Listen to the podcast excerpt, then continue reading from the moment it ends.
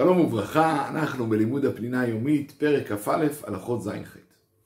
כבר למדנו שיש מקום פטור, זאת אומרת יש רשות הרבים, רשות היחיד, כרמלית ומקום פטור. מה זה מקום פטור? אמרנו מקום פטור זה כל מקום שהוא גבוה משלושה טפחים, כלומר יותר מ-20 ושלושה סנטימטר, אבל הגודל של המקום הוא פחות מד' טפחים על ד' טפחים, דהיינו פחות מ-30 סנטימטר על 30 סנטימטר. המקום הזה נקרא מקום פטור, כי הוא מקום שלא נוח כל כך להשתמש בו, ולכן אם אלה מותר לקחת ממקום פטור לרשות היחיד, ומרשות היחיד למקום פטור, ומרשות הרבים למקום פטור, וממקום פטור לרשות הרבים. זה ברור שמדאורייתא מותר גם לקחת מרשות היחיד למקום פטור, ומשם לרשות הרבים. זה ברור שזה מותר. אבל חכמים גזרו שלא יעשו את זה. לא יעביר מרשות היחיד לרשות הרבים או מרשות הרבים לרשות היחיד דרך מקום פטור, כדי שלא יבואו לזלזל בהעברה. אבל מה לגבי להעביר מרשות היחיד למקום פטור ומשם לכרמלית? יש שאסור, אמרו, החילו על כרמלית כל דיני רשות הרבים, כמו שאסור מרשות היחיד לרשות הרבים דרך מקום פטור, גם לא לכרמלית. אבל יש שאמרו לא, כרמלית זה רק דרבנן. כל החשש היה שיבואו להעביר מרשות היחיד לרשות הרבים דאורייתא. אם זה רק כרמלית הדבר מותר. ובשעת הצורך אפשר להקל. והדבר מצוי מאוד לחיילים. חיילים שהקימו אוהלים בשדה, אין עירוב, אין עירוב. מה הם יכולים לעשות? כדי לקחת חפצים מאוהל אוהל, או מאוהל מחוץ לאוהל, לחצר שלהם, אז מה שאפשר לעשות זה לסדר מקום פטור.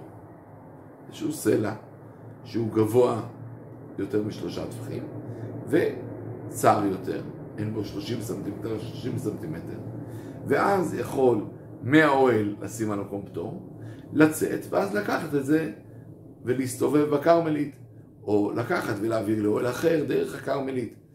כן, אם זה עובר דרך מקום פטור, ממילא הדבר יהיה מותר. ומכאן אנחנו מגיעים לאחת השאלות הקשות והמורכבות ביותר. וזה האם יש היום רשות הרבים מהתורה. ונסביר. כל הדינים של שבת נלמדו מהמשכן. במשכן היו 60 ריבו. שהיו הולכים, היו הולכים 60 ריבו. 600 אלף איש. לכן, יש אומרים שכדי שמקום יחשב רשות הרבים, מעבר לגודל של 16 אמה, שכבר למדנו שרשות הרבים צריך להיות מקום ברוחב של 16 אמה ולא מקורה כמובן. 16 אמה זה אה, כשבע אה, ומשהו מטר. אז ממילא, אני אומר מעבר למקום, יש אומרים צריכים גם לעבור שם כל יום 60 ריבו. אם לא עוברים שם כל יום 60 ריבו זה לא נחשב.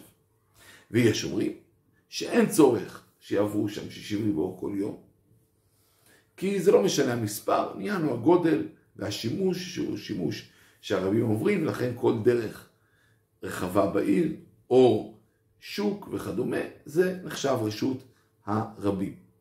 ויש דעת ביניים שאומרת צריך 60 ריבו, אבל לא כל יום, אלא שמדי פעם עוברים שם 60 ריבו.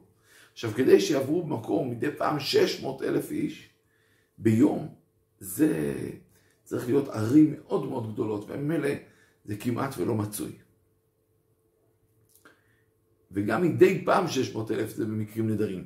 לשיטת אלה שאומרים שצריך 600 אלף שיעברו, זה אומר שעיקר רשות הרבים זה דרך ברן עירונית, שהיא פתוחה לכולם, ושם ודאי לא צריך 60 אלף שיעברו. 600 אלף שיעברו. אז זה בעצם השאלה. עכשיו, למה השאלה הזאת היא כל כך קריטית? כי השאלה, מה אנחנו עושים בערים שלנו? אם יש רשות הרבים מהתורה, כדי להתיר את זה צריך להקיף במחיצה את כל העיר, וזה דבר קשה, לשים גדר מסביב לכל העיר, וגם בכבישים, שערים, והכל סגור. זה מאוד קשה. אם, אבל כל השטח אצלנו הוא לא רשות הרבים דאורייתא, הוא הכרמלית, כאן אפשר לעשות עירוב על ידי צורת הפתח, שמים שתי מוטות ועוד מוט אחד על גביהם, ואז עושים צורת הפתח, ואם מקיפים את העיר בצורת הפתח, זה מספיק ולא צריך גדר סגורה. וזה כמובן מקל מאוד. וזאת בעצם המחלוקת הגדולה והשאלה.